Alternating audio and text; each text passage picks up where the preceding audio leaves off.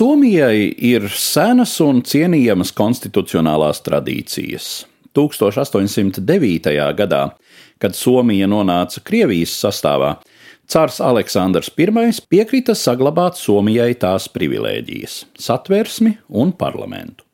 Un kamēr Krievijas impērija līdz savai bojājai tā arī palika valsts bez konstitūcijas, autonomajai Somijas lielkņazistei tāda bija.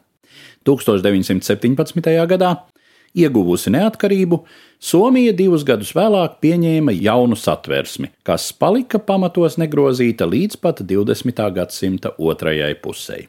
Tomēr ar laiku arvien noteiktāk izpaudās nepieciešamība pēc zināmām pārmaiņām. Notika vairākas secīgas reformas, kuras noslēdzās ar jauna pamatlikuma pieņemšanu un stāšanos spēkā 2000. gada 1. martā.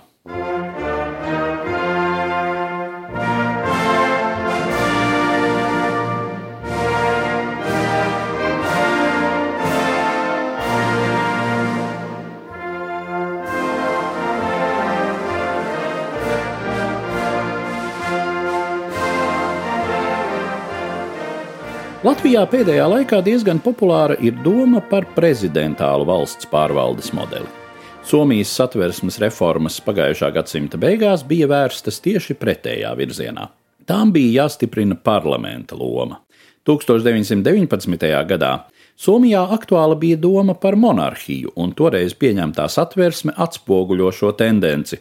Prezidentam ir proporcionāli ļoti liela vara, kas padara Somiju par vienu no nedaudzajām pusprezidentālajām republikām Eiropā.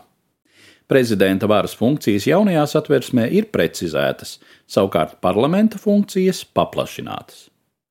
Kopš reformas premjerministru apstiprina amatā parlaments un nevis prezidents. Savukārt valdības lēmumu pieņemšanas procesā lielāka ir valsts padomes, Somijas ministru kabineta locekļu loma. Ir paplašinātas parlamentāriešu tiesības pieprasīt un saņemt no ministriem informāciju, valsts kontrole, kas līdz tam bija finansu ministrijas pakļautībā, tagad pakļauta tieši parlamentam.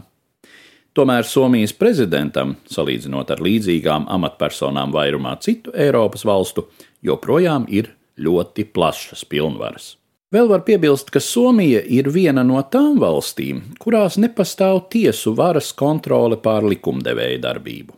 Somijā nav institūcijas, kas līdzinātos mūsu satversmes tiesai. Tomēr demokrātisko valstu vidū Somija šai ziņā ir viens no samērā nedaudziem gadījumiem. Stāstījumu sagatavoja Eduards Liniņš.